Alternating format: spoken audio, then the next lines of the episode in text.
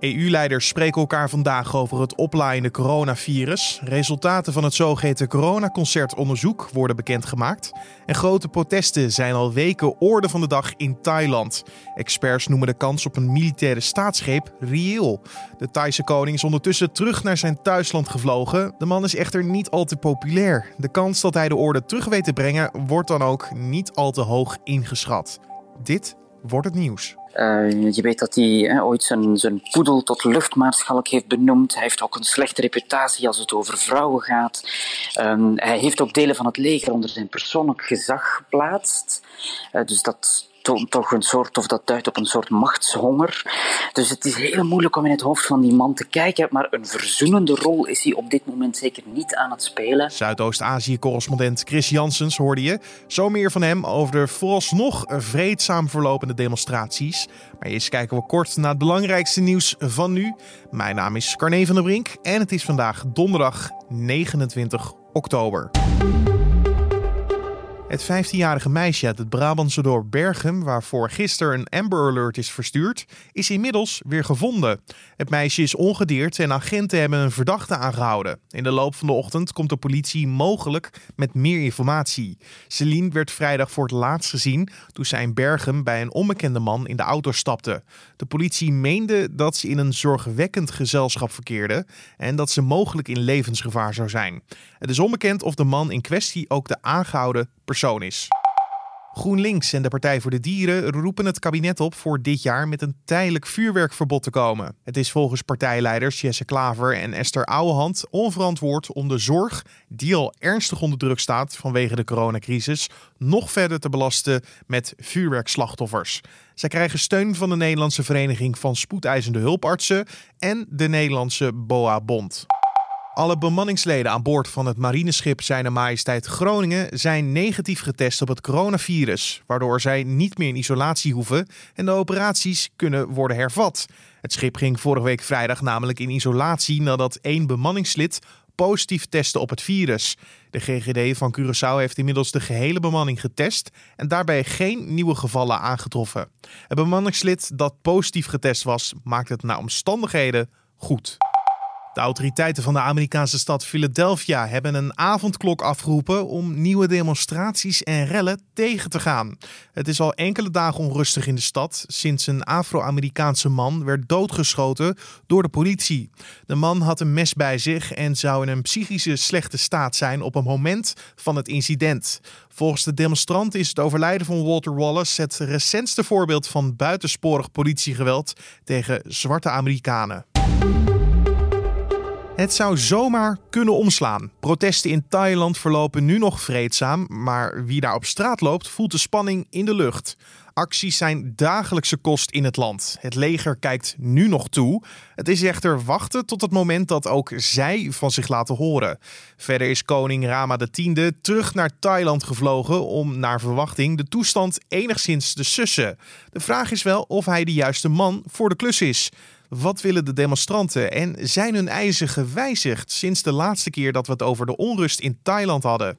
Je hoort collega Julien Dom in gesprek met Zuidoost-Azië-correspondent Chris Janssens. Er zijn uh, sinds uh, een tweetal weken zijn er elke dag uh, protesten aan de gang. Um, dat protest is eigenlijk al begonnen in juli, maar systematisch. En dat is nu dus uitgegroeid tot een dagelijks protest. Dagelijks komen duizenden mensen op straat om verschillende dingen te eisen. Maar de belangrijkste eis is het ontslag van de premier. Dat vragen de manifestanten. En ze willen ook dat de monarchie herbekeken wordt. En dat is een, een, een heel uitzonderlijke eis in Thailand, want die monarchie is uh, ja, zeg maar een heilig huisje. En dat er gevraagd wordt, dat, ze vragen niet dat de koning of dat de monarchie zou afgeschaft worden, maar wel dat die zou passen binnen een democratie. En dat is nu niet zo, uh, als ik u goed begrijp, hè? Wel, de koning heeft eigenlijk een soort absolute macht. Dus die kan uh, doen wat hij wil, uh, hoeft daar geen verantwoording voor af te leggen. En de manifestanten willen dat dat verandert. Zeg, over die demonstraties, uh, worden die grimmiger van sfeer? Tot nu toe verloopt het allemaal redelijk geweldloos. Er zijn af en toe wel een paar opstootjes geweest, een, kleine conflicten met de politie, maar het verloopt geweldloos. En als ik het goed begrijp, willen de manifestanten dat ook zo houden. Ehm, als ze communiceren met elkaar, zeggen ze: kijk, laten we geen geweld gebruiken, want dan kunnen ze ons verwijten dat wij gewelddadig zijn. Uh, dus dat verloopt allemaal uh, redelijk geweldloos, maar het zijn wel volhouders. Dat wil zeggen, ze willen blijven op straat komen tot er effectief dingen veranderen. Dus in die zin wordt het wel redelijk grimmig. En als u de temperatuur ja, dan verder moet beschrijven, is er naar uw mening een mogelijkheid dat dit ook omslaat op korte termijn? Als er geweld gebruikt zou worden, dan denk ik dat het eh, van de regering of van het leger zou komen. Uh, er is een vrees dat, er, dat het tot geweld zou komen zoals dat tien jaar geleden gebeurd is. Uh, toen is er tijdens een protestmanifestatie heeft het leger het vuur geopend op uh, manifestanten met negentigtal doden tot gevolg. En dat is eigenlijk sindsdien, de voorbije tien jaar, is dat, is dat al het soort schrikbeeld van dat willen we niet, dat willen we absoluut vermijden. Dus als er geweld gebruikt zou worden, dan zal het van de politie of van het leger komen. Als we dan eventjes naar de koning kijken, of in ieder geval de oude koning, die was, als ik het goed heb, zeer geliefd onder het volk. De nieuwe koning, Rama X, is dat niet. Kan hij toch voor ja, een soort verzoening zorgen op dit moment? Het is heel moeilijk om in het hoofd van de koning Rama X te kijken. Uh, hij is een heel vreemde, heel bijzondere man. Uh, je weet dat hij ooit zijn, zijn poedel tot luchtmaarschalk heeft benoemd. Hij heeft ook een slechte reputatie als het over vrouwen gaat. Um, hij heeft ook delen van het leger onder zijn persoonlijk gezag geplaatst. Uh, dus dat toch een soort, of dat duidt op een soort machtshonger. Dus het is heel moeilijk om in het hoofd van die man te kijken, maar een verzoenende rol is hij op dit moment zeker niet aan het spelen. Een van de redenen waarom er gevraagd wordt, geëist wordt dat zijn rol herbekeken wordt, is omdat hij uh, heel weinig betrokkenheid met zijn eigen land en zijn eigen onderdanen toont. Hij bevindt zich in Duitsland, toch? Ja, hij woont eigenlijk, verblijft de facto in Duitsland. Hij is nu wel in Thailand, maar dat is uitzonderlijk. De voorbije maanden was hij eigenlijk vooral in Duitsland. Uh, terwijl in Thailand zelf de noodtoestand is afgekondigd sinds het uitbreken van de coronacrisis. En dat heel veel Thai hun uh, job kwijt zijn als gevolg van corona, omdat de toeristen wegblijven. En toerisme was natuurlijk, is of was een heel belangrijke bron van inkomsten in Thailand. Dus hij, hij toont heel weinig betrokkenheid dat hij op zo'n moment niet in zijn eigen land is, al was het maar om de mensen een hart onder de riem te, te, te steken, dat toont toch aan dat hij een rol van verzoener, dat dat niet echt zijn ambitie is. Hij is eigenlijk de, de link met de realiteit ook kwijt, als ik u zo hoor. Dat wordt gezegd, ja. Dat is, uh, dat is al gevaarlijk in Thailand om dat soort uitspraken te doen, want er staan op majesteitsschennis, dus op het beledigen van de koning staan strenge straffen.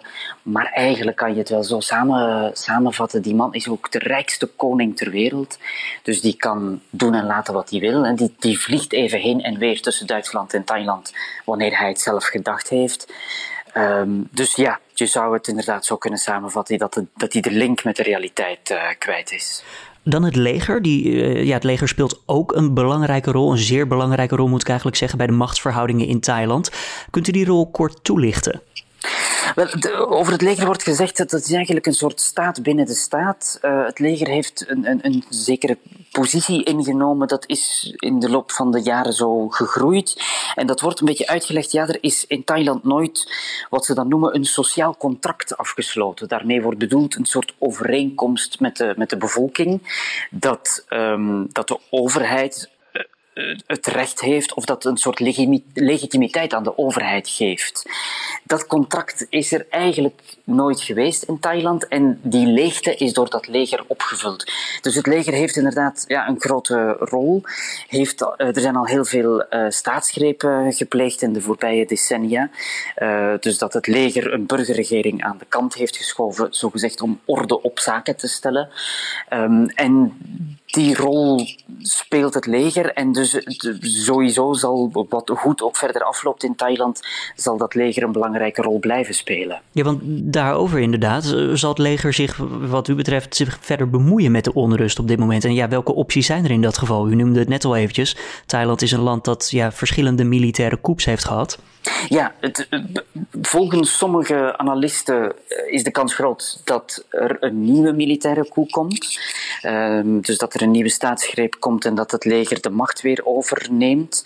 Uh, dat is een van de opties. Een andere optie is dus dat, uh, dat, dat het toch tot geweld zou komen met het leger. Dus dat het leger de wapens gaat gebruiken. Ja, zoals u net al zei, mocht een van de partijen geweld gebruiken, dan is dat waarschijnlijk eerst het leger. Ja, dat, is, dat, dat ligt in de lijn van de, van de verwachtingen. Of, of niet in de lijn van de verwachtingen, maar als je de, als je de geschiedenis bekijkt, dan is dat één, helaas, is dat één van de mogelijkheden. Ja. Is er nog een andere optie eh, voor het Thaise leger om ja, de rust terug te keren in het land? Om de rust te doen terugkeren, denk ik, zou eigenlijk tegemoet moeten, uh, zou de overheid tegemoet moeten komen aan de eisen van die manifestanten.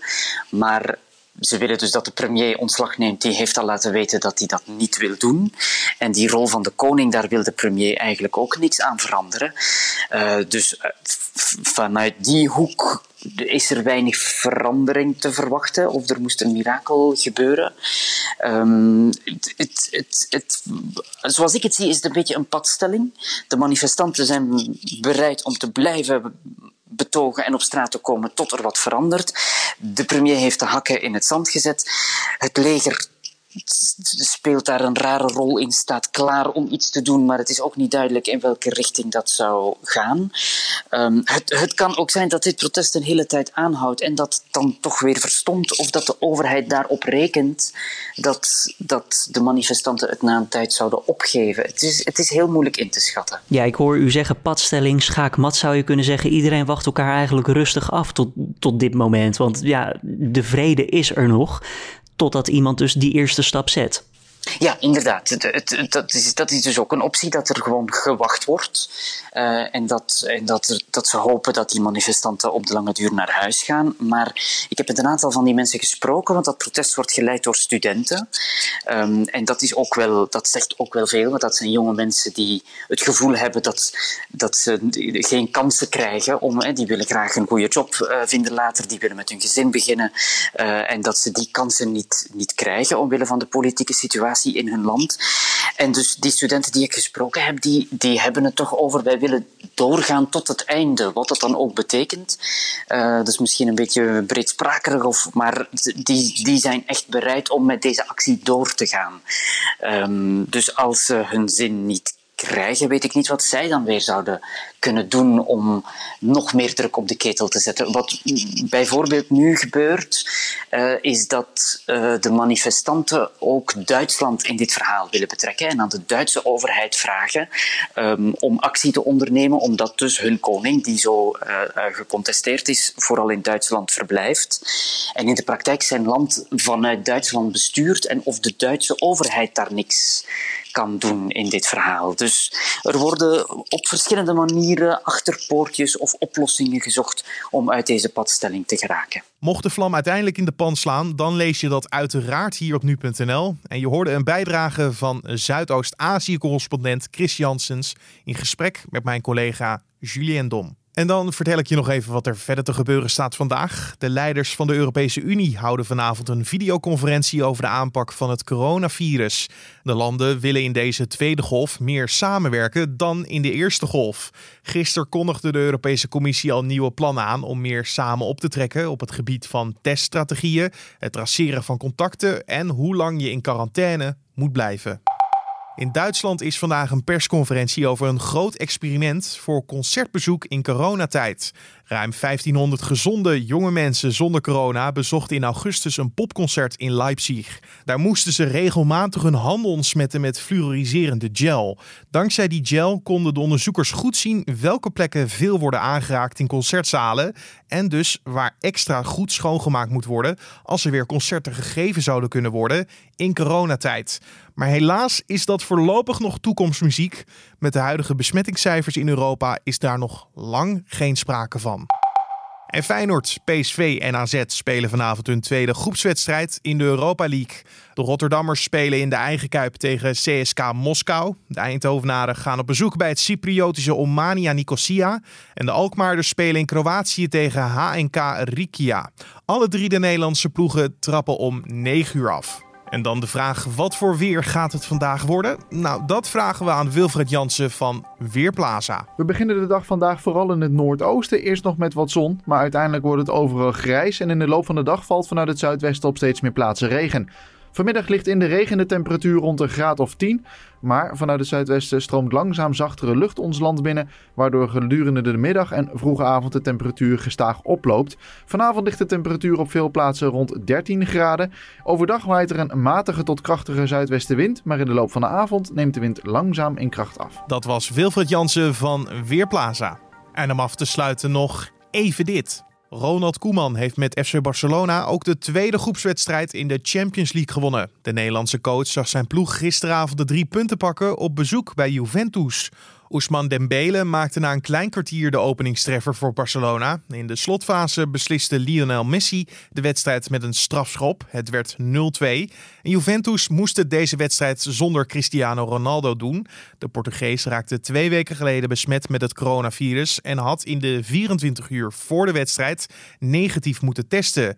Maar dat is naar alle waarschijnlijkheid niet gebeurd. En dan zijn we alweer aan het einde gekomen van deze podcast voor de donderdag 29 oktober. Je helpt ons heel erg door vragen, feedback of suggesties door te mailen naar ons mailadres podcast.nu.nl podcast.nu.nl en natuurlijk kan je je gratis abonneren op deze podcast. Zo staat hij elke ochtend en middag voor je klaar in je favoriete podcast app, zoals Spotify of Apple Podcast. Mijn naam is Carne van der Brink. Voor nu wens ik je een hele mooie dag en bedankt voor het luisteren.